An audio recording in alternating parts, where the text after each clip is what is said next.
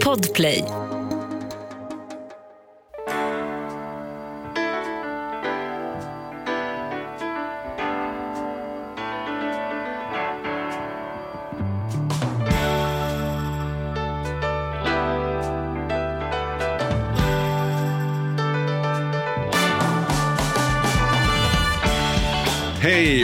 Varmt välkomna till Ekonomi på riktigt med Charlie och Mattias. Och det är jag Yes. som är Mattias. Ja, då lär det väl jag som får ta Charlie-rollen idag. Då. Ja, det tycker jag. Ja, det känner jag mig bekväm i. Det har jag gjort förut. Mm, Det har du. Jag har varit väldigt kulturell den senaste veckan. Jaha, vad roligt. Vad har du gjort då? Nej, men det har bara happat sig så att jag har... Först var jag på bio och, och det händer inte så jävla ofta faktiskt. Men Andrea och jag liksom, vi har en sån fin bio nära oss där man kan få ett glas vin och en liten charkbricka och sitta så här. Mm. Men jag sitter så jävla nära skärmen så jag vet inte om jag egentligen tycker det är så vidare bioupplevelse. Men det blir av. Mm. Och sen så var jag på våran gamla ljudteknikers blues jam. Petter har ju, eh, som en trogen poddlyssnare kan komma ihåg Petter, han kör ju det i Gamla stan med jämna mellanrum. Men varför säger du inte till för? Varför, var fick, varför sa du inte? Ska du med på blues? Nej, men jag tänker att du är alltid nere i Sörmland på helgerna. Nej, jag åker så gärna upp. Ja, ja, och ärligt talat så är det Andreas han drar lite. Det är som så här, ska vi gå dit? Ja, för fan. Det Men kan du lova att du säger till nästa Jag lovar, jag lovar. Där har den. Bra. Och sen så var jag på Dockteater för att jag känner en kille som jobbar på Stadsteatern som dockteaterskådespelare. Jättekul. Och sen var jag på Moulin Rouge i helgen. Ja, Tror vilken jävla... vad tyckte du om den då? Eh, Jag tyckte två saker. Ett, det är en riktig jävla party. Alltså, fullt ös från början till slut. Man känner igen alla låtar. Det är kul, det är snyggt, publiken är med, de är duktiga. Jättebra.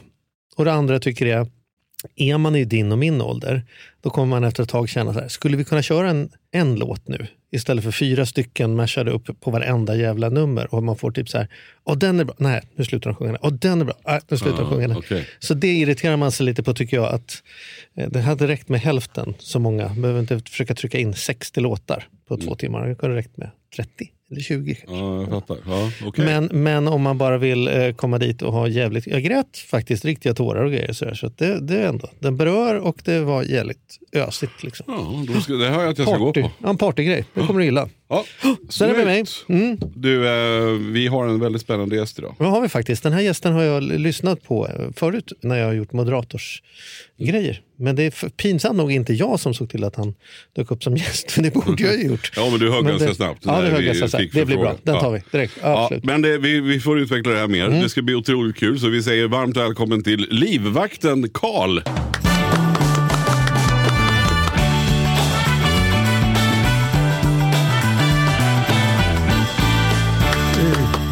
Tack. Du ser faktiskt ut, jag hugger direkt här nu då. När du kom in här så känner jag så här, om jag hade sett dig på stan. Liksom, så här, man inser att den, den där snubben har pondus. Man ser att du, du är stark, du liksom, eller hur? Tack. Stark jag känner fräsch, mig inte så, liksom. så stark. Jag känner mig högst, högst normal, men, men jag har hört det förut att man syns lite, speciellt med ögonlappen. Det, det hjälper ju till. Ja, ja. Du har ögonlapp, för du har en ögonlapp nu. Det har du hela tiden. Så. Inte hela tiden. Jag har, eh, jag har den ofta och jag kan visa hur det ser ut. Jag har ju ett öga kvar. Men det är dött och det är fyllt med gelé. För att det, om de inte gjorde det så hade det skrumpnat ihop till ett russin. Liksom. Men jag ser ingenting på det. Och i och med att jag inte använder det sedan många år så börjar det slappna av och lägga sig åt sidan. Men tårkanalerna är sönderfrätta och allt rinner på utsidan. Och vätskan för att fukta ögat fungerar inte. Därför har jag en lapp och då blundar jag automatiskt och då får jag vila.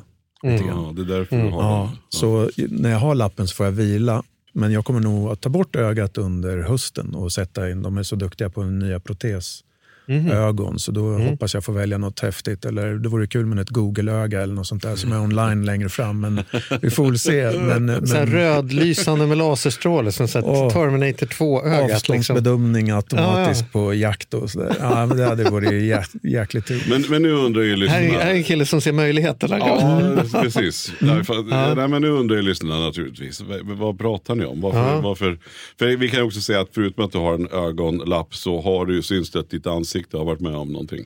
Ja. Väldigt tydligt liksom syns det ju. men och på ena precis. sidan just. Det är lite grann som sån här, Ja. vet inte vad det var för film. Då, men så här, det Batman, Joker, Ja, det. Two-Face eller han, eh, just nej, det. han var, å- åklagaren i Batman. Just Ja, Ja. exakt. Mm. Ja. Du Ja, vi livvakten får, sa jag. vi får ta det från början tror Ja, jag. För det här är ju en början. historia som förtjänar att berättas från start. Ja. Ja, men jag jobbade som livvakt på kommersiella marknaden utomlands mellan 2002 och fram till 2010. Men Hur börjar man med det? Ja, vi måste börja lite tidigare. Hur kommer man tycker jag. på Hur det? fasen blir Ja, man hur blir man livvakt? Jag, så, Ja. jag hade ju kunnat tycka det var coolt att vara livvakt. Mm. Och sen när jag såg Kevin Costner i Bodyguard Ja, så, så blev jag mig så här barnsligt förtjust i hur tuff han är ja, i filmen. Och man så här, önskar, den där hade jag velat. Men samtidigt så skulle jag sen ganska snabbt komma på ett, skulle aldrig våga såklart. Och nummer två, skulle jag inte ha skillsen för det. Liksom. Så, så, så hur, hur kom du in på det? Är du gammal fighter? Liksom? ja men jag från början var jag gammal idrottsman, idrottsfamilj uppvuxen i och militärfamilj. Min släkt är antingen yrkesmilitärer eller, eller präster. Tävlade mycket i gymnastik, fotboll, tennis när jag var ung och sen hamnade jag på skateboard och det är nog fortfarande min identitet idag. Jag ser mig fortfarande som en skatare som var livvakt en stund. Så tyckte du gillar Tony Hawk exempel? Ja, jag har faktiskt åkt bräda tillsammans med honom. Och Per Holknekt sponsrade mig när jag var liten och genom hans gamla skateföretag. Och så, ja, men jag var i USA och skejtade lite runt i början på 90-talet. Sen kom jag hem från USA och insåg att det där tjänar man inte så mycket pengar på och eh, just då i alla fall. Så jag började med boxning och boxningen gick bra. Jag hann väl gå tre, fyra matcher bara och sen så fick jag jätteont i kroppen och fick diagnosen ledgångsreumatism efter ett par månader och Jaha. varit inlagd på sjukhus. Så i samband med att jag fick diagnosen ledgångsreumatism så, så var det ett uppenbart jag kommer inte kunna leva på någon av mina idrotter. För jag hade växt upp och tro att jag kommer bli proffs i någon sport. För det var allting som betydde någonting för mig. Vart är du ifrån från början? Örebro från början. Örebro, Ja. Mm. Min syster var på vägen i landslag i gymnastik. Och, och, så hela familjen, det var det vi gjorde. Vi tränade och tävlade i olika sporter. Men då var det ett abrupt slut. Jag fick diagnosen 97 och Typ omskola mig till personlig tränare i och med att jag hade mycket träningsbakgrund. Gjorde alla kostrådgivarutbildningar och personlig tränarutbildningar. Hamnade nere på Strandhotell på Öland en sommar av en händelse och gjorde lite PT-jobb där.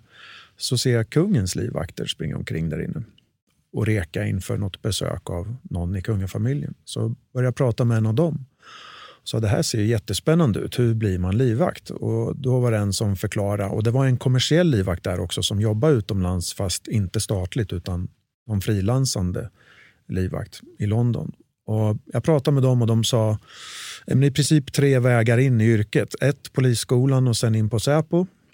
Två, militärpolisen eller specialförbanden och sen kör den militära personskyddsdelen.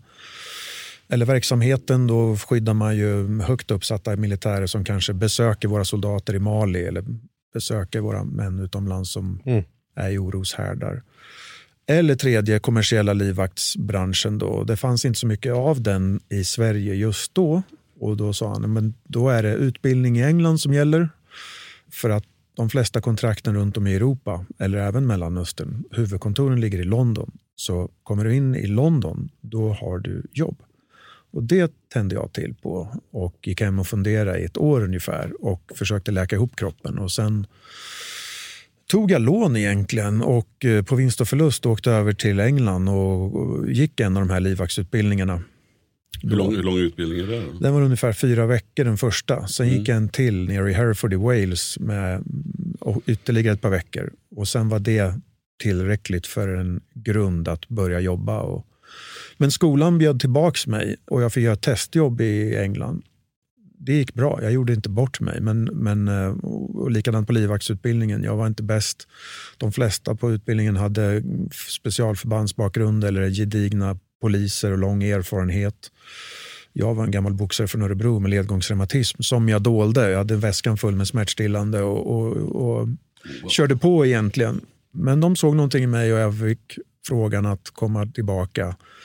Och så flyttade jag över på vinst och förlust. Bodde på golvet hemma hos en eh, kompis som har fått jobb på ett av hotellen i stan i London. Och eh, kom sen in på jobb av min mm, som blev mentor från livvaktsskolan. Och han puttade in mig från den lägsta nivån och egentligen vakta en hotelldörr för besökande kunglig Saudi-familj till att på slutet där så hade jag hand om flera team i olika länder, många olika rörliga delar och eh, jobbar runt i mest storstäderna i Europa, London, Paris, södra Frankrike, Italien, lite Moskva, lite Mexiko. Men, Men fick du då lön av ett kommersiellt eh, vakttjänstbolag? Eller kanske inte heter så. Eller var du din egen så du liksom Men Jag startade start ett litet soul trader, eget bolag där borta och sen så jobbar man som frilans. Men jag jobbar nästan bara för de som eh, utbildar mig på skolan. Mm. Och eh, gjorde jobb för dem. Mm. Och då fakturerar man ju till slut. Känner man bra som... Nej, inte om man räknar timmar och alla timmar man gör och så mycket man förlorar på att Nej, det skulle jag inte säga. Man tjänar nog bra, beror på vad man jämför med såklart. Mm. Men om man slår man ut det på timme och risken, så nej, då är det inte bra. Nej, för det är det man tänker, att man skulle mm. vilja ha en rejäl jävla riskpeng ja. på det där. Det är ju ditt jobb är ju att vara, ja. vara där och se till att det inte smäller och ja. om det smäller vara där ännu mer. Liksom. Ja. Och sen i och med att jag inte hade specialförbandsbakgrund eller gedigen sån utbildning så passar jag inte för högriskuppdrag i högriskländer där det var pågående konflikter. De tjänar ju mer. Men min, min bakgrund och mitt rätta jag var i storstäderna i Europa för multinationella företagsledare. Gärna jänkarna som kom in och, på besök och så där. Där kunde jag smälta in bra. och för de flesta, 99 procent av alla jobb, de vill inte synas med livvakter.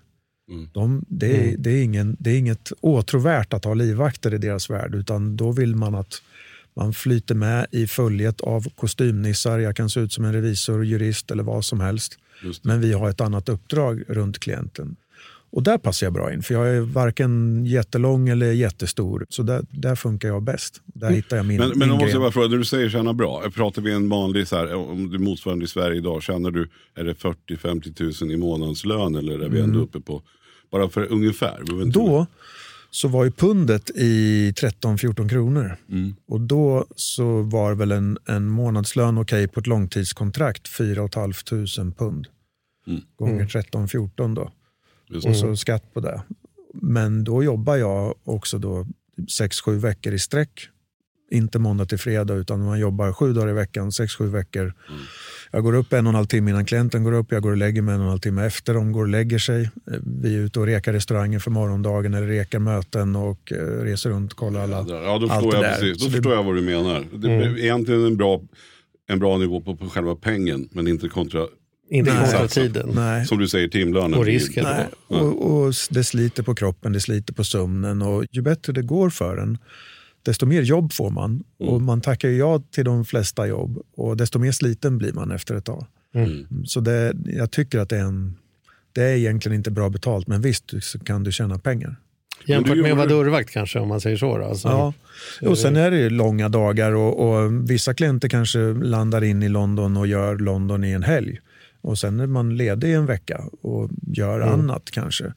Och de flesta vill ju hamna på långtidskontrakt med en fast familj. Och, och så. Men de är inte så vanliga. Men det här med att man inte ska synas som du säger. Mm. Jag, jag, eh, när jag var på väg till Stadsteatern så mötte jag Ulf Kristersson på Drottninggatan. Mm. Och honom ser man inte, utan man ser fyra fyrtorn till enorma mm. vakter i mm. kostym. Och sen i mm. mitten, Ulf är inte skitstor heller. Så att, jag mm. menar, men så det var så uppenbart att man mm. tittade emellan dem. Oj, vad är det här? För det mm. var så hög tempo. Och liksom så det såg verkligen ut som vakt, mm. vakter. Liksom. Avskräckande, kom inte i närheten grejen. Är det liksom har... två olika uppdrag? Kan man säga Att se ut som vakt och vara vakt? Eller? Det kan vara beroende på vad för klient. Har man en klient som är medialt känd, som alla vet vem det är, så när den går ner för gatan som så kommer folk... Och, ja. Precis. Mm. Eller en popstjärna. Mm. Eller en fotbollsproffs. Liksom. Då måste du ha synligt skydd. Eller då vill man ha synligt skydd. Du vill ha stora, stora långa människor som är ett eh, visuellt avskräckande. Mm. Sen finns det nog fler folk runt omkring som inte syns. Och Det är ju samma med de här bolags och så vidare. När det är röda mattan-event eller filmstjärnorna, när det är röda mattan-event, när folk vet att man ska vara på en viss plats på en viss tidpunkt så behöver man ha synligt skydd och då kanske man anställer de här jättestora personerna som är bredvid. Men i det dagliga sen så kanske man har en annan typ av personskydd. Mm. Ja, så det kan nog variera, men som statsminister och som då, då, då är det bra att det syns och det är kostym på och det är synliga luftslangar Mm, så att man mm. får den här eh, stereotypa livvaktstypen. Liksom. Ja. Ja, välrakad, vältränad, lång och Mm. det här är en personskydd, de är beväpnade, backa undan. Liksom. Mm. Medan de flesta andra gånger, eller de, nästan alla mina uppdrag, så är det inte synlig luftslang till örat utan det, vi droppar ner en liten snäcka inne i örat med en liten antenn som sticker ut så att vi kan prata med varandra men det syns inte. Mm. Och är vi på Östermalm då klär vi oss som det men är vi på någon annanstans då klär vi oss som det. Just det, det kan ju vara förstås väldigt Otroligt. stora skillnader i miljöer. Absolut. såklart. Jeans och hoodie när man ska Ja. på H&M liksom. Mayfair i London men på eftermiddagen så tar vi Eurostar-tåget till Paris och så ska, ska det vara på Paris på kvällen och sen tillbaks till London. På, eller det kan verkligen variera. Så man behöver tänka lite, vad är det för möten vi ska på imorgon? Vart ska vi imorgon? Vilken kontext befinner sig klienten i när han är där? Då behöver vi smälta in, för han, han vill ju att vi ska se bra ut och inte skämma ut honom och inte heller sticka ut. Mm. Nej, precis, Så det, så, mm. Hur farligt var det då, de här åren i London? Liksom, har du 14 skotthål och var med om 16 explosioner eller var det mest att stå bakom Nej. ett träd och inte synas? Det är svårt för mig att veta. Liksom. De farligaste sakerna som jag har varit med om har varit utanför arbetstid. Ja. Faktiskt. Lite konstigt, men det kanske mer beror på mig och inte på, på jobbet. Men, eh, ja, men vad har hänt? Jo, men en kollega till mig på ett livvaktsjobb vart faktiskt lyft. Istället för att ta klienten så tog man klientens högra hands livvakt utanför ett hus och försökte egentligen kidnappa, föra bort honom till ett ställe och eh, pressa honom på information om vart huvudklienten var. Mm. Det har hänt. Vi har flytt från restauranger, vi har flytt från möteslokaler i andra länder, men inte värre än så. Vi har Mm. fått evakuera flera gånger och tack vare planeringen så, så har det gått att evakuera för att vi har haft resurser med flera bilar och gjort bra rekar innan så vi vet att den utgången tar vi, den bilen ska vi ta och när hotet kommer från framsidan så sticker vi därifrån. För vårt jobb har aldrig varit att konfrontera utan det är att fly med klienten tills man inte kan fly något mer. Och kan man inte fly, ja men då blir det ju en helt annan historia. Men att fly från olika platser där hotet har kommit överraskande, det har hänt. Men när man beväpnade ju på ett sånt ställe som jag tänker London där inte ens poliserna bär vapen. Liksom. Oftast inte, nästan aldrig. Utan man är beväpnad men med andra saker. Man kan ha andra saker på sig men inte handeldvapen. Nej. Om man inte jobbar för någon med diplomatstatus, vilket händer, och att man jobbar med de som har diplomatpass och sitter man då i deras bil och kör den klienten, då är vi ju i det landet med de lagarna och regler. Så i bilen kan vi då ha vapen, men går det. vi utanför bilen så gäller landet vi är i. Mm. Så vapen har vi, men inte alltid handeldvapen. Nej, och just där på gott ska jag säga så är just Storbritannien så är det väldigt lite vapen generellt sett. eh, Om man jämför med andra länder. Ja, Sverige får ju kommersiella personskyddsoperatörer ha beväpning med vapen, handeldvapen. Och Mm. de sex, sju eller åtta kanske är nu personskyddsföretag som har den auktorisationen. Där får det ske beväpnat personskydd i samråd med polis efter en riskbedömning där de säger ja, det är okej. Mm. Liksom. Jag, tror Jag, kom, kommer ihåg att du berättade i förbifarten förra gången vi träffades att en av de sakerna du alltid gjorde att du räknade på hotell hur många steg det var i trappan Mm. för att vara förberedd på ifall det är rökfyllt Mm. ska du hitta ut till rätt våningsplan. Ja, Det där är bara en sån detalj som har levt, levt kvar för mig. Som Ja. så här, saker som jag är lyckligt ovetande om att andra människor tänker på. Men har Ja. faktiskt tänkt på sen dess att jag kanske skulle göra någon huvudräkning för mig själv i alla fall hur många steg det är ifall jag ska eh, gå ut från ett hotell som har börjat brinna. Det kan ju vara skillnad på liv och död om man kommer ut på rätt våningsplan. Och hotell är en hel skola. Bara att och, och liksom ta en klient till ett hotell så är det, det är mycket att tänka på. Men Vi vill bo över tredje våningen men kanske under sjätte våningen. För börjar det brinna, hur, hur många våningar upp kan brandbilarna stegar komma Ja, upp till? det. Liksom? Ja, det är en hel vetenskap det där måste Ja. vara. Om man väl börjat dissekera ner alla, Ja, alla vilka rum. risker och sådär. Absolut. Och kommer man till de här finare hotellen i London, Paris eller Lanesborough, Mandarin, The Dorchester, Ritz i Paris. Många av de hotellen har anpassade rum för här bor klienter med personskydd. Personskyddet har flera rum bredvid och där har du redan injackat för datorer så att du kan jacka in och få alla kameror på baksida och framsida hotellet. Så det är ganska förberett och bra på high-end hotellen. Så att det är förberett för oss. Men hotellen, det är mycket att tänka på. Mm, jag förstår det. Men sen kom du hem då. då Precis. Mm. Du jobbade där, då, du, från 22 till... Noll, någonstans 02, hösten till 03 och så heltid där fram till december 9. Jag flyttade hem till vart Stockholm.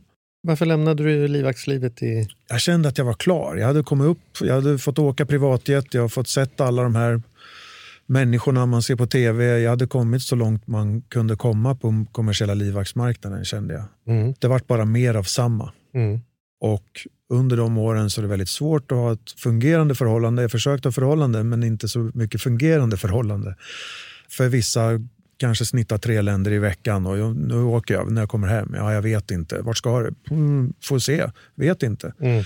Så det är svårt. Och min ledgångsreumatism börjar komma tillbaka ordentligt i slutet där. Så jag kände att jag har levt lite grann på lånad tid då och åt väldigt mycket antiinflammatoriska och samtidigt så kom det flera inflammationer i mina fotleder och knän och sånt där. Så även om någonting händer nu så kommer inte jag kunna agera som jag behöver kunna göra. Mm.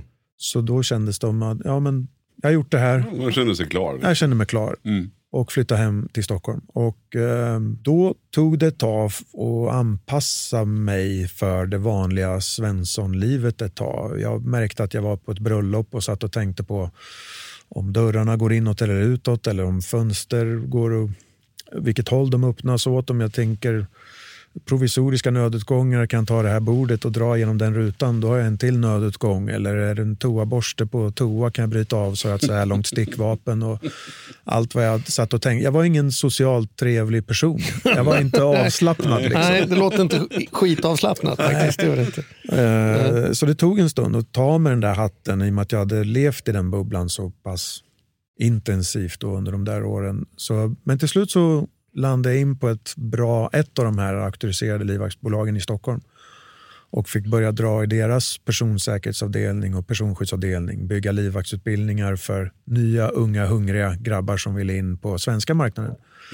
Och ta hand om näringslivet i Stockholm som hade hot eller finns mycket under mediell uppmärksamhet eller har mycket pengar eller har gjort en exit och syns där. Så hantera deras vardag lite grann. Men då inte som vakt utan mer att Konsult. hanteringen runt det. Ja, Liksom, och mitt hur- livvaktsliv var över. Ja, utan jag, exakt, jag utan mer hur ska man tänka, Ja. hur borde du, ja, och så vidare. rådgivare Ja. och eh, key account-ansvarig på vissa familjer och, och bygga utbildningar egentligen. Mm. Så 8 till 5 vanligt jobb. Och så fick jag nya, de här nya biologiska ledgångsreumatismmedicinerna när jag flyttade hem. Då. Så då, efter några veckor så började kroppen komma tillbaka. Och jag kände att fasen, nu kan jag ju kanske ta revansch på det här med kampsport. Så jag är in på en MMA-klubb och började träna MMA igen och fortsätta och tävla lite submission wrestling och köra den biten. Och åren gick. Jag hade faktiskt ett förhållande med mig från utomlands och hon flyttade med mig till Sverige. Men det funkar inte av olika anledningar. Det var en stor kulturkrock med att komma till Sverige. Så jag var, blev singel igen och sommaren 2012 så sprang jag på en tjej när jag klippte mig i ett köpcentrum och vi började dejta egentligen. Då. Så vart det väl. Härligt. Ja, det gick fort. Och eh, vi började, ja, men, hon hade barn sedan tidigare och jag jobbade för fullt och tränade ibland ett pass om dagen men ofta två pass om dagen. Så tiden fanns inte riktigt för oss. Men vi kände väl ändå efter ett par veckor att ja, men det här skulle kunna bli någonting och för att ta det till nästa nivå så kanske man ska också, hon nämnde att hon hade en tidigare relation som var lite strulig. Då. Eller, och jag tänkte inte så mycket mer på det, för alla har vi våra tidiga, man är inte för nosig och man brukar inte liksom grotta in sig i någons ex och såna där saker. Men det fanns någonting där i bakgrunden, Eh, det var jag övertygad om. Och samtidigt som jag försökte ta med den här göra bakgrundskontroller på alla jag träffar så, så vart det en dålig kombo i det där. Då.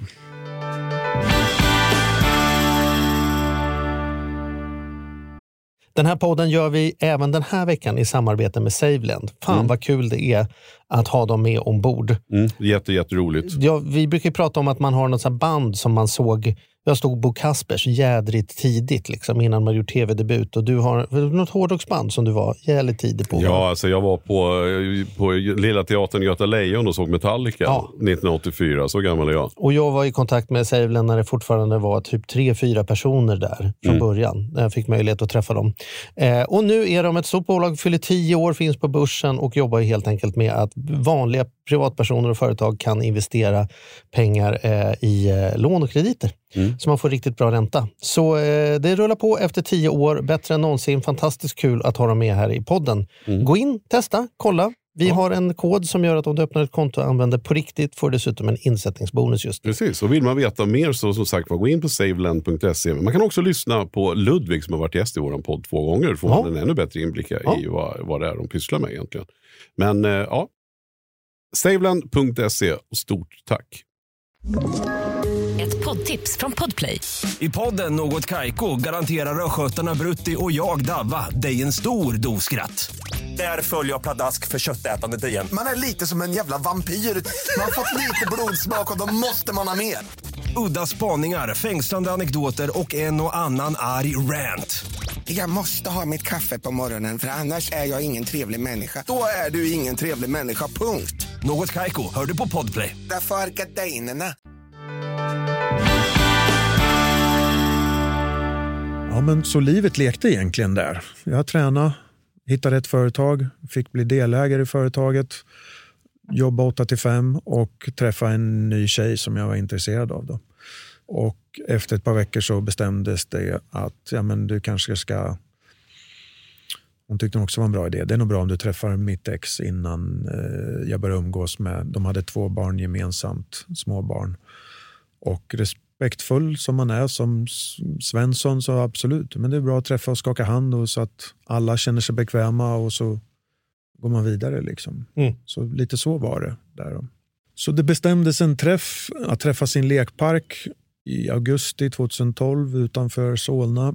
Och, ehm, jag kommer ihåg den dagen, för jag satt på ett möte på Söder den söndagen eftermiddagen, solig sensommar eftermiddag. Och, eh, jag är tvärnykterist, jag har inte druckit alkohol på 22 år ungefär och, och levt det livet. Och, och satt och kände det när jag satt på det mötet att jag, den här intuitionen, nackhåren reser sig utan att man vet varför. Man, man vet, men man vet inte varför man vet det.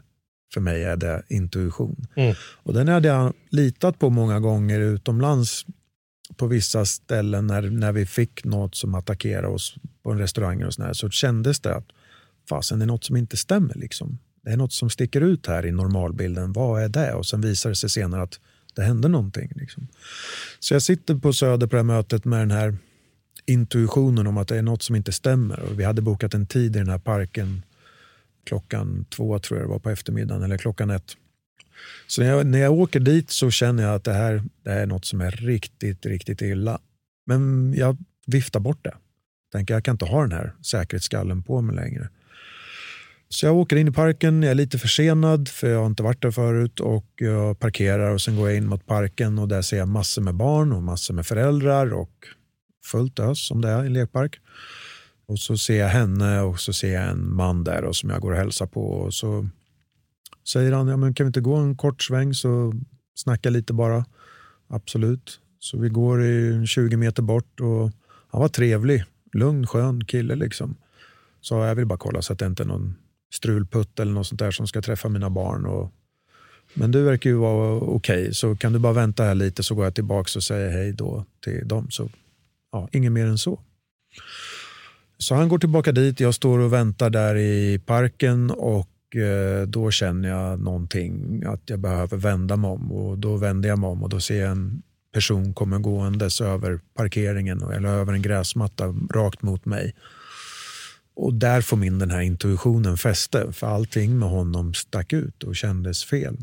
Så det var inte samma man som gick tillbaka. Nej. Det var alltså inte pappan till barnen. Nej, precis. Han gick annan. tillbaka till Mm. sitt ex då och barnen och tillbaka till lekparken. Den här personen kom från ett helt annat håll.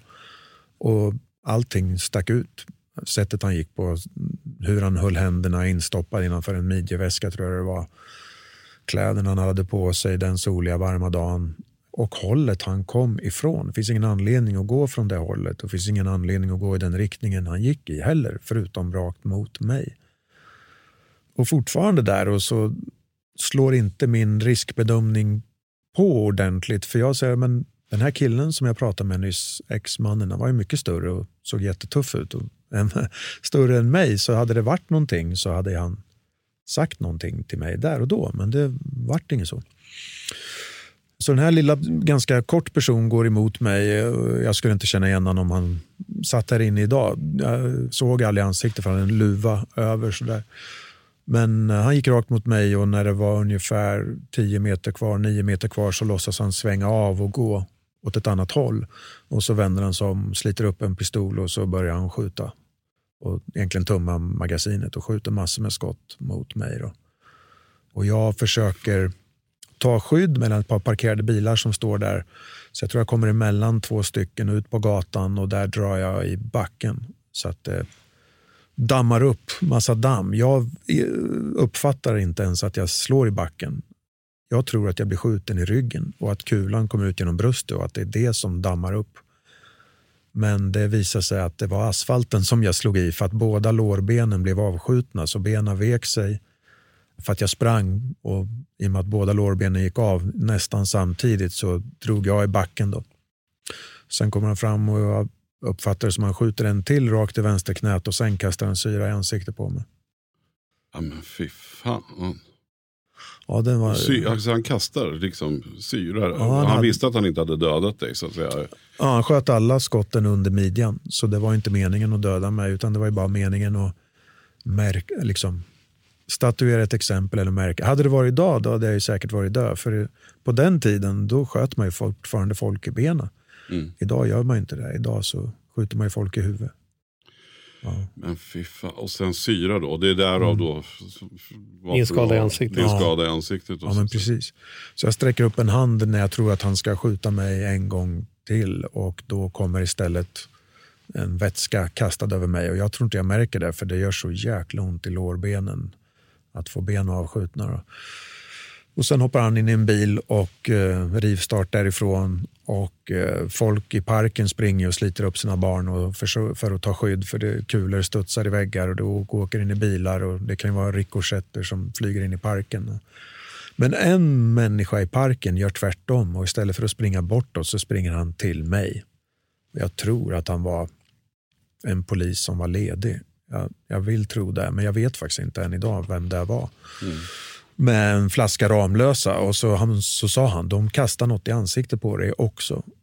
Och då hade det börjat ryka och verkligen fräta i ansiktet. Så då kastade vi det i ansiktet så då klarade jag mycket mer av den andra sidan. Då. Och sen vänta några minuter på ambulans och polis. Men jag såg ner på benen som då fötterna pekade åt fel håll och det blödde ur flera ställen. Jag tror jag fick fem kulor i mig. Eller något sånt här. Och såg, jag var i panik såklart och kände mig totalt maktlös och rädd. Men såg ändå att jag inte har någon artärblödning och att det inte liksom pumpar ut blod utan att det blödde mycket men det blödde ymmigt på något sätt. Och att, för jag vet att är en artärblödning och stora kroppspulsådern är träffad, då har jag fyra minuter på mig att göra ett avsnörande förband med skärp eller något sånt där. Mm. Och det hade jag nog inte klarat av att gjort i det där tillståndet. Jag hade nog inte klarat av att dragit så hårt eller fått av med bältet och dragit åt det så tajt. Så, och det visade sig sen att en av kulorna var väl en och en halv millimeter från eller en millimeter från kroppspulsådern i ena låret. Så, så det var nära ögat men jag hade en jäkla tur. Men då undrar man ju, ja det är fruktansvärt. Vad var det som hade hänt? Så här, efter, alltså, vad, vad vet vem- du vem idag var- om vad händelsen du då? Vad, vad vad tog han hände? vägen då? Exet, eller alltså den här mannen då som... Ja, men det som hände sen då var att jag, jag var in på sjukhus och eh, jag jobbade som tur var på en livvaktsfirma som ställde upp 100% på mig och satte mina egna kollegor som livvakter runt mig på sjukhusen i hela perioden och jobbade tillsammans med polisen. Jag fick polisens personskydd också. De gjorde också ett fantastiskt jobb. Och rättsväsendet och hela förundersökningen tog lång tid och en jätteförundersökning. Och det som kom fram då, då, det var väl att exet hade hyrt ett, ett av de här gängen och tjänstifierat det här och lagt det på något, några som är duktiga på att göra sånt här. Mm. Så de hade planerat det här i, planerat det ganska bra och varit där och rekat innan och sen gjort den här skjutningen då. Men det var helt enkelt svartsjuka. Det fanns ingenting från ditt tidigare jobb eller några sådana där kopplingar. För det tänker jag att i ditt huvud måste jag snurrat runt, vem är det här? Det är inte självklart. Eller förstod Nej, du från det- början att det hade med, med den här relationen att göra? Nej, jag visste att jag inte hade någon hotbild utomlands ifrån. För det hade jag inte. Och i den här mörka intuitionen jag hade innan, Mm. att det här är något som inte stämmer, så förstod jag nog att det hade någonting med det att göra. Sen han deras intention och syfte att göra det här, om det var svartsjuka eller bara en markering att ingen tar någons tjej liksom, i den världen. Ja, det kan det ju vara. Jag kan inte svara för det, vad, vad syftet var. Men när jag vaknade upp på sjukhus efter ett tag så då var ju det jobbiga över för mig. Och jag var full på morfin i, under lång period och älskade hela världen och såg inga problem med någonting egentligen. och fick rådet av både polis och mitt målsägarbiträde att skippa och läs förundersökningen utan foka på din rehab. Foka bara på att komma tillbaka. För jag hade det var många operationer och mycket runtslussning mellan många sjukhus på dagarna. Och så jag flyttade sen till ett annat sjukhus på grund av hotbilden som man inte riktigt visste vad den var, om den var över eller inte. Men jag flyttades mitt i natten till ett nedlagt sjukhus på andra sidan stan och så fick jag personskydd där då av mina kollegor och sen hämtades jag av polis som körde mig fram och tillbaka till olika inrättningar och sådär. Men rättegången började väl sen ett och ett halvt år senare och jag var väl på sjukhus ända från augusti till december nästan tror jag. Och började gå igen och jag direkt tillbaka till firman jag jobbar på i och med att det var de som var runt omkring mig så jag spenderade mycket tid hos dem och tillbaks på min gamla plats som affärsområdeschef och tillbaka till normalvardagen liksom och sen samtidigt runt omkring för operationer och sånt där. Och sen kom rättegången och jag tror eh, exmannen blev dömd till sju eller sju och ett halvt för synnerligen grov misshandel. Då. Och skyttarna, ingen som vet vilka det var. Man fokuserar på honom, ex, ex-partner. Erkände han eller, eller var det Nej, sin- han menade att han inte inte. hade med det där att göra? Ja, jag tror han varit eh, dömd mot sitt nekande. Eh, I och med att han skakar hand med mig och visar mig för skytten så blir han delaktig i själva Mhm. skjutningen. Mhm. För jag hade ju som sagt redan skyddad identitet när det här hände. Mm. Så det var nog svårt att hitta mig på sociala medier och svårt att hitta bilder på mig kanske. Så Men då på det då sättet undrar man ju också utskickad. lite så här, vad hände med tjejen då? Så att säga? Hade ni, alltså, Jag vaknade upp och så fort jag vaknade upp så fick jag en telefon från polisen egentligen och så ringde jag och sa att vi båda förstod att det finns ingen framtid i det här. Och vi hade ju knappt börjat lära känna varandra på, så, på en djupare plan utan det var kan ju inte fortsätta, det är bara att släppa taget och lycka till. Liksom. Och sen, jag har inte sett henne sedan den dagen i parken. Utan hon försvann troligen på något skyddat boende direkt under polisens beskydd. Och sen tror jag hon tackar ja säkert till ett sånt där skyddspaket med ny identitet, flytt någonstans i Sverige eller flytt ni har utomlands. inte hört sedan dess? Alltså. Nej. Mm. Men du har ju skyddad identitet fortfarande. Mm. Varför har du det då? Är det Ja, men det är för att jag fortfarande är verksam i, som rådgivare i branschen och efter det här hände mig så var jag kvar på livvaktsfirman mm. under många år.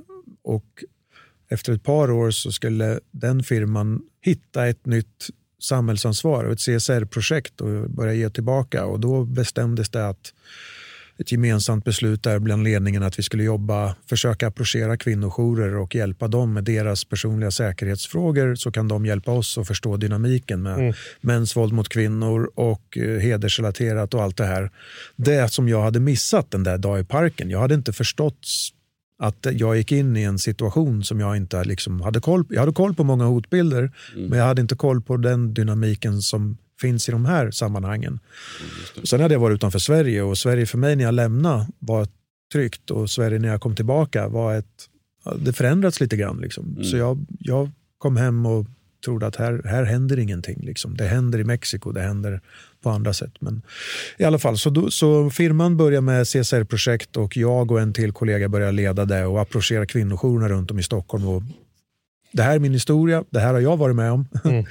Vi vill gärna hjälpa er med er egen personliga säkerhet och konsultera er i farliga ärenden så kan ni hjälpa oss att förstå den här dynamiken som jag har missat.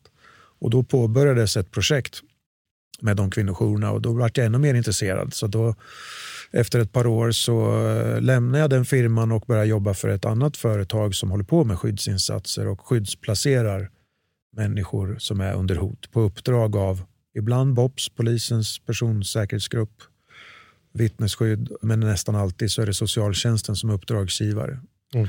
Och det är därför du fortfarande lever med skyddad identitet. För att du vet saker. Liksom. Inte för att det är någon hotbild Nej, jag har ingen hotbild på mig idag jag tror den hotbilden var över på mig sen när jag vaknade upp på sjukhus och gjorde slut. Så vann ju andra sidan och heden i behåll, eller hur man nu ska se det. Men det finns liksom ingen incitament. Hade man velat gjort mer, då hade jag inte suttit här idag. Då hade det varit klart. Men du säger det, men du låter så sjukt jävla stabil. Alltså, vet, om vi hade fått en sticka i foten på en brygga så hade man varje gång man gått på den här bryggan igen hade man gått lite försiktigt. Du har ändå bott kvar i Stockholm och du har liksom fortsatt ditt liv. Du säger bara så här, men det finns ingen hotbild mot mig. Ja. Liksom, hur mår du idag? Liksom? Kan du gå förbi den där parken och liksom föra ett normalt samtal? Ja, ja, jag har varit där massor med gånger och kolla och det är nu det är ombyggt och man kanske inte känner igen allting där. Men, men, ja, men jag tog all hjälp jag kunde få efter det där och med psykologer och jag fick eh, polisen rekommendera in mig på en eh, psykolog som var jättebra på trauma och jag fick fem gånger gratis, sen så fick jag fem gånger till och så bad jag om att få flera gånger till. Eh, Jag hade ingen PTSD, jag gjorde den utredningen. Men klart man blir påverkad, absolut. Och jag var påverkad i flera, flera år efteråt. Men tack vare firman jag var hos och alla, alla resurser som jag fick. För män som det här händer så finns det ju inte mensjourer. Jag kan inte bli skyddsplacerad i Sverige på en kvinnojour för det finns inga sådana.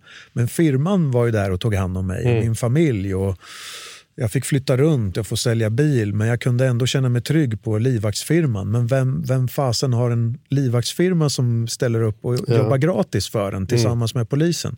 Men det är nog anledningen till att jag mår så bra. Och sen sedan tidigare så har jag, ja, men dels är jag konstant nykter. Jag har jobbat med personlig utveckling i mig själv sedan, ja, sedan 2000 i princip med tolvstegsprogram och allt sånt där. Så, så det här reaktiva mindsetet jag hade när jag var ung och arg för att föräldrarna skildes och jag höll på att sladda snett själv när jag var ung. Det fick ett abrupt slut när jag gick in och blev nykter och började särskåda mig själv och mina rädslor och min harm och vad betyder vad och vem är jag egentligen och vad är jag reaktiv på. Och sen helt plötsligt blir man medveten om allt jag gör och då var det en annan värld som ledde in på livvaktsspåret och, och så. så tack vare det så behövde jag, kunde jag inte fly in i någonting utan jag var tvungen att stå kvar och konfrontera allting med dels i rättegången, dels som förhör som jag var morfindopad på. Men, men sen att tvingas rättegången, tvingas återuppleva det, vara på firman som hjälpte mig så jag lämnade aldrig. Mm. Utan jag fick gå igenom det där och klart mådde jag jättedåligt under flera års tid. Och jag reagerade negativt på många, många andra sätt. Jag bytte bilar för att jag var rädd. Jag fick byta bostad och jag fick... Eh, vad gjorde jag mer? Men jag, jag skulle ha en mask på mig för att trycka in ärren i över ett år i 21 timmar om dagen. Det såg ut som en, en dålig hockeymask. Eh, som man ser ut som en... Liksom, ja, Jason. Ja, men precis. Så, så efter jobbet gick jag hem, på med masken, flydde in i Youtube och kollade på Blocket, kollade bilar och hade ändå copingstrategier men inte att fly in i att inte känna Mm. på något sätt. Så, så efter ett par år så kom jag ut ändå. Mm, det är otroligt mycket. Men, och jag vill bara säga nu, för det är det som också är jävligt viktigt. För du är ju superaktuell just nu med din bok som har kommit. Ja, Och det är ju, Just ska det. bli otroligt spännande att läsa den. Vad heter boken? Livvakten Karl, kampen mot mig själv. Ja. Och kampen mot mig själv är det här. Jag har aldrig haft någon större fiende än han som tittar tillbaka på mig i spegeln varje morgon. Och även min kropp har velat ta död på mig länge med, med dels den här beroendegenen jag kanske hade som jag växte upp med och sen ledgångsreumatismen och sen resa sig upp och bli köra boxning eller resa sig upp och göra livvaktskarriär. Vem gör det med ledgångsreumatism och utan militär karriär och det gick bra. Och sen när jag verkligen är klar med det här farliga livet och flyttar hem och det blir redo för Volvo, Villa och Vove så blir jag skjuten mm. utanför jobbet bara för att jag snubblade in i en kontext jag inte hade en aning om mm. med, med bara fel dejt på fel plats på fel tidpunkt. Mm. Så det hände ju inte livvakten Karl, det hände ju en Svensson Kalle Banan. Liksom, mm. mm. Men, men det här, ja. med, från att ha levt ett lång tid, då, då både i, i, det som hände i, i England men också när du kom hem levt liksom i, i hemlighetens tecken på något sätt. Liksom. Mm. Till att nu sitter du här och poddar med oss. Jag har träffat dig i ett annat sammanhang, det har blivit bok. Ja. Är det liksom en omställning? finns en anledning till att vi inte nämner dig vid namn. Och det, men liksom så här, det finns ju något komplext i mm. att du är en hemlig figur men som uppenbarligen brinner för att lämna din historia vidare. Hur går det att vara ohemlig? Liksom? Ja, ja men det går sådär tror jag. ja, men, ja, men jag är, jag är um, trygg men och heller inte naiv. Världen har förändrats och Sverige är fullt med vapen och eh, Sverige har också en offentlighetsprincip och är extremt transparent gentemot andra länder och det är väldigt litet. Stockholm är också en väldigt liten stad jämfört med andra huvudstäder. Så även om jag inte har någon hotbild, men även jag jobbar i en bransch där det, även om det är en liten risk så finns det alltid en risk att mm. ja, men, vi vill leta reda på den här personen. Han kanske vet vem den här personen är. Mm. Och jag tycker egentligen att att ha sekretessmarkering eller skyddad ID i Sverige det är nästan likställt som att vara en vanlig medborgare i vissa andra länder för att den personliga integriteten är mycket högre. Mm. Så jag ser egentligen som att det är där det ska vara normalt sett. Mm. Man ska inte kunna se någons regnummer på en bil och sen åka hem till dem bara för att det råkar vara en, en dyr Porsche på någon som har tjänat mycket pengar. Mm. Det borde inte funka så. Liksom. Mm. Men, men så är det här. Så trygg och glad men, men jag är inte naiv. Vad tänker du när du läser det som står i tidningarna nu ja. och det man ser i tv om gängkriminalitet och, hårdare klimat och grejer? Så vad, mm. Vad, blir du lämnad med? Vad liksom, du känns ändå som att du ser mer än vad jag och Mattias ser från vår soffa. Ja, men för varje skjutning så är det ju säkert 15 nära anhöriga runt omkring som drabbas också. Som min familj, min systers familj, skyddad identitet, kanske flytta. Min pappas familj, skyddad identitet, kanske flytta mammas familj och samma sak. Alla blir berörda i en sån här stor, inte bara att det kostar fruktansvärt mycket pengar, men alla som är i närheten mm. Får sina liv upp och nervända. Mm. Och det är nog det jag tänker på nu, att för varje skjutning så är det säkert tre, fyra familjer som ska kanske flyttas på och hanteras under lång tid och som får sina liv upp och nedställda. Det är, det är inte bara de som skjuter eller de som blir skjutna som blir berörda, utan det är alla andra också. Mm. Och Det är enorma summor som går in på det där. Det är tråkigt och jag, jag är ingen expert på varför det har blivit så, men det är väl senaste 20-30 årens politiska beslut som har lett till det. Men det är, nog, det är väl också komplicerat och polisen är duktiga på det de gör och jag tror också att de har sett mycket av det här och identifierat mycket av det här som händer idag redan för 13-14 år sedan och höjt flaggen för det här för många, många år sedan. Men sen kanske det inte alltid finns en politisk vilja att genomföra tuffa åtgärder som polisen rekommenderar. Det är den uppfattningen jag har fått till mig från att vara i säkerhetsbranschen under en tid. Men det är trist, det är tråkigt. Mm. Vad ska man göra då? Ni är unga och eh, ja, kanske inte behöver vara så ung, men om man nu vill söka sig till det här. Ja, man är sugen på och bli livvakt. livvakt. Ja, är det, alltså är det kunna liksom... hjälpa till. Och det kanske inte behöver vara livvakt i den bemärkelsen som vi pratade om från början. När man är bodyguard och, och eh, skyddar en superkändis. Utan ja. det kanske är att man vill hjälpa till på det sättet som du gör idag med den här som berättar med placeringar och annat som det kan betyda. Det är en jävla fin insats. Liksom. Ja. Hur gör man då? då? Ja, men det finns ju flera spår i det där. Man eh, blir läsa kriminologi på universitetet eller socionom. Och det är socialtjänsten som är uppdragsgivare i många den, här, den typen av ärenden. Så socionomer tror jag det är brist på också för de har också en otroligt tuff arbetsmiljö och råkar ut för en hel del påverkan. Poliser skriker också efter folk, så polisspåret är också superhett och en jättebra mm. utbildning.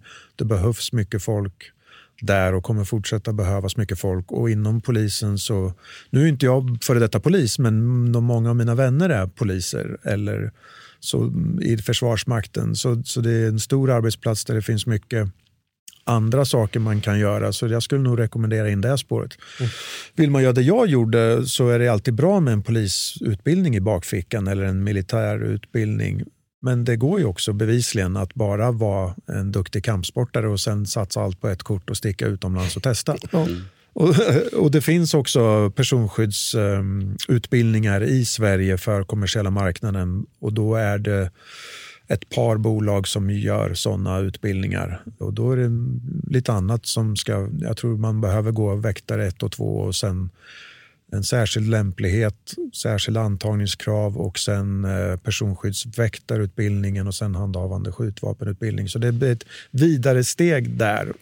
Men de som jobbar mycket som personskyddsväktare de kanske också har mer än det i erfarenhets Just det. det kan vara bra. Det kan ju aldrig Nej. göra någonting att man utbildar sig och kunna göra det Nej. som polis eller inom någonting som inte heller man behöver ta lån för. Nej, och jag tror alla behövs i framtiden. Både civilsamhället och eh, kommersiella livvakter, kommersiella väktare.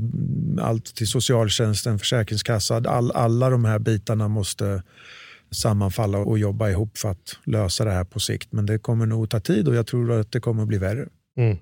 Och du, eh, sista frågan. Mm. Eh, hur väl stämmer nu då den här filmen som Mattias började med, Bodyguard?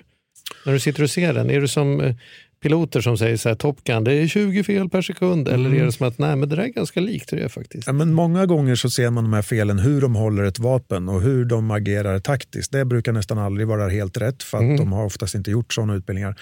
Men den är faktiskt bra om man jämför den filmen med hur det är att jobba för en popstjärna. Mm. Och Den typen av livvaktsuppdrag som är för en, den typen av personlighet med den typen av vardag med event och konserter och så här, då är den inte dum. Han bor on-site. Det är lite svårt att hålla den här professionella avståndet med att vara personlig men inte privat. Och, mm. och Det där är jättesvårt, att vara nära och bekväm för klienten att ha livvakten runt omkring sig men att inte vara för nära och för bekväm som han blir där. Mm. Och, och det där händer. Så den är bra under, flera, under flera aspekter så är den ganska lik under kändislivvaktsdelen. Om inte annat så får man lyssna på en fantastisk Whitney Houston. Ja, det får man göra. Sjunger skjortorna ja. de flesta. Ja. Men det är många ställen som den inte är, som är överdrivet och sådär. Och sådär. Men, mm. men visst, det finns likheter. Men då ska vi komma ihåg boken nu. Ja. ja den finns där böcker finns. Ja. Den finns där böcker finns. Och, ja. Eh, så. Och, Livvakten Karl kan man googla på. Ja, det kan man göra. Livvaktenkarl.se är en hemsida där man, för jag är ute och, det jag gör mest nu det är ute och föreläser och mm pratar om motståndskraft och eh, mental resiliens och hur man tar sig an tuffa utmaningar, hur man reser sig upp ur askan igen och kör på. Liksom. Ja, det känns som att du har lite torrt på fötterna. ja, det kan man säga. Det ja, känns tack. som du har en trovärdighet kring ja, det. Ja, tack. Stort, stort tack för att du kom Karl. Tack snälla. Lycka till med Kul boken och vad du gör framöver. Tack snälla. Tack.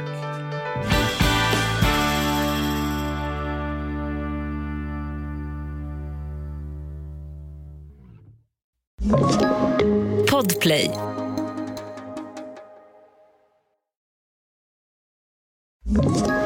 Ett poddtips från Podplay.